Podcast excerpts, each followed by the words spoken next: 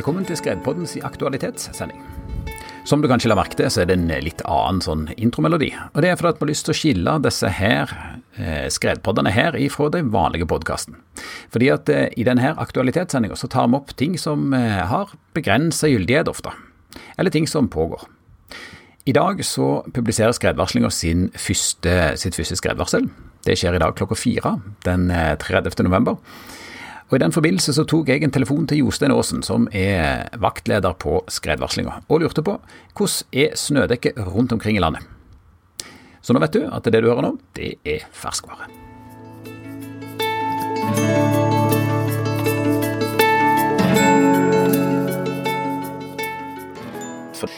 Du som har oversikt, Jostein, hvordan, hvordan ser snødekket ut rundt omkring i landet vårt? I hovedtrekk så er det sånn at eh, Eh, der det finnes snø, eh, så er det underliggende, altså det er litt eldre snødekke. Eh, det kan ha noen lagdelinger, men det er gode bindinger mellom lagene i den, den eldre snøen. Og, så alt aktuelt skredproblem er å finne i den ferskeste fokksnøen i overflata. Og nå er det sånn at det er litt sånn nedbør rundt omkring noen plasser i landet i dag. Og der den kommer som snø, så kan du få et et problem, skredproblem med nysnøflak eller foksnøflak i, i overflata. Ja. Eh, men nå blir det ikke så mye av det. sånn at det er, det er ikke så mange plasser at vi forventer at eh, skredfaren eh, eh, blir så eh, noe høyere enn fare 2, iallfall. Nei, vi forventer ikke at skredfaren øker over fare 2 i hele tatt. Nei. Men om vi, starter, om vi starter i sør, da, så liksom litt mer detaljert beveger oss nordover? Ja, altså I sør eh, der er det ikke så mye å snakke om.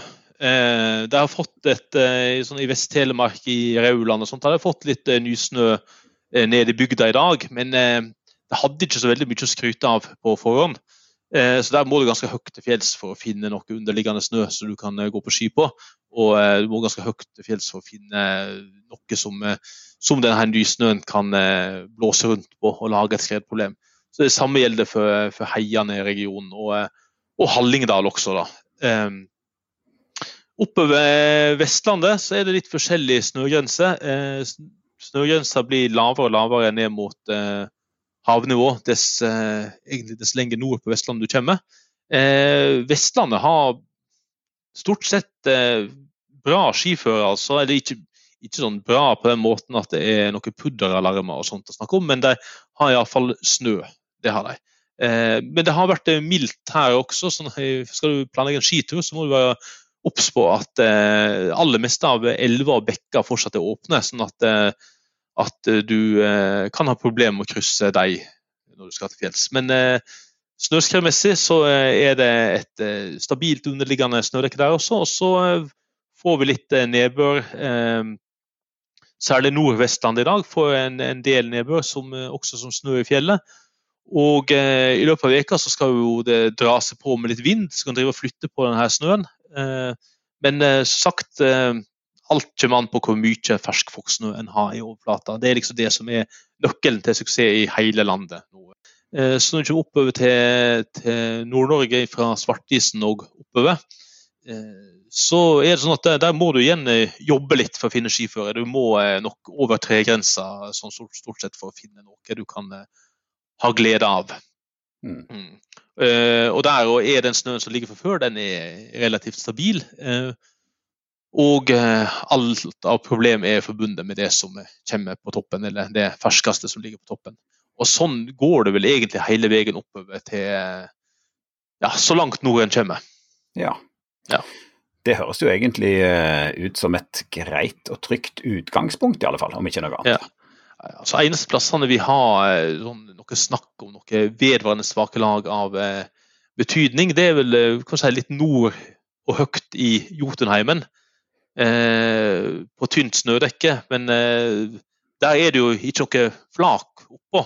Der har du bare det svake laget, egentlig.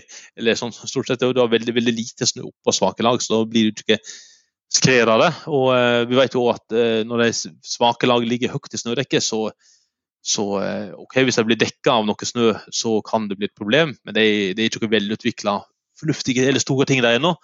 Eh, og når ting ligger høyt i snødekket, så er det stor sjanse for at det blir, eh, smelta vekk av et mildvær. Det, vi er jo i desember nå. Det er jo vanlig med mildvær som feier inn over landet og gjør det litt sånn mørkt og slapsete for oss i eh, julehandelen. Ja, Om du skal liksom stikke fingeren i lufta framover, er det ser det, noe, ser det ut som det skjer noe de nærmeste dagene?